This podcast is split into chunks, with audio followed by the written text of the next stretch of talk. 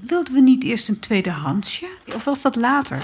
Jij wilde graag een kind krijgen ook. En dragen en baren. Daar had jij niet zoveel last van. Nee, dat heb ik echt nooit gehad. Ik zou ook niet op het idee zijn gekomen om een gezin te worden. Dat zat niet in mijn gestel. Dat is het gekke, dat ik het de hele tijd wel een beetje als een grap zag. Maar toen die een keer geboren was, ja, dat was ik meteen totaal verkocht. En nu laag toch? Ja, Ik weet nog dat we gingen zoeken naar een donor. We hadden toen het idee van, nou, we willen graag homogenen. En via via hadden we afgesproken, dus we kennen die mensen niet. En dat is net als met een blind date, dat je echt al na één seconde denkt... oh no, dit is, dit is het helemaal niet. En dat je dan toch niet meteen weg kan rennen. We hebben nog een andere man gevraagd en die kwam eten met zijn vriend. Gerard. ja. Ja, Steeds in de, in de keuken keken we elkaar vragend aan. Is dit het moment? Nee, nee, laten we het nog maar even uitstellen. het was ook een lange maaltijd, want we dachten steeds... nou nee, deze gang, nee, nee, we durven het nog niet. De stemming is nog niet echt goed genoeg op gang gekomen. En vlak voor het toetje durfden we het eindelijk. En nou, die vraag kwam voor de beide heren als een totale verrassing. Terwijl wij dachten dat het er nogal dik op lag. Ik was wel een beetje beledigd, want hij wilde niet.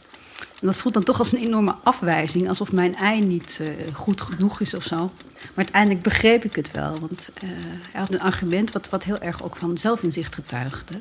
Hij dacht dat hij helemaal geen eh, afstand zou kunnen nemen. En uiteindelijk is het toch gelukt. Dankzij mijn schoonzus die zei... maar waarom vraag je je broer dan niet? Lex. Ja, Aha. en dat leek ons eigenlijk wel een heel mooi idee.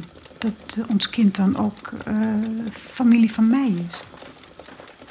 We hebben echt eh, wel zes maanden zitten ploeteren. En daarna gingen we bij de gynaecoloog vragen of die ons kon helpen. En ging toen zo naar de temperatuurgrafiek kijken. En ik moest echt bijna lachen. Hij zei van, nou, hier waren jullie dus te vroeg. Daar waren jullie te laat. Wat jullie hier hebben gedaan, snap ik helemaal niks van. Toen heeft hij met een, eh, een echo gekeken. Op het moment dat ik dacht dat het bijna eh, de ijsprong was. En toen zei hij, vanavond. Nou, wij Lex weer bellen. En ik kwam weer aanzetten met zijn zaadjes in een potje. En toen hadden we Olly. En nu laten schrikken. Ja, dat was echt, het was zo bijzonder. Er kwam daar zo'n kopje, de, ja, zag je zo'n hoofdje en van iemand die je helemaal niet kent. Je weet niet wie je verwacht. Ah. En dan echt na, na verloop van tijd is het zo normaal dat je er, er bent, zo vertrouwd. Dat is heel erg mooi. Wauw. Dat lijkt me geweldig om te zien. Dat er opeens zo'n klein hoofdje zo. je bent verkouden, hè? Ja, een beetje.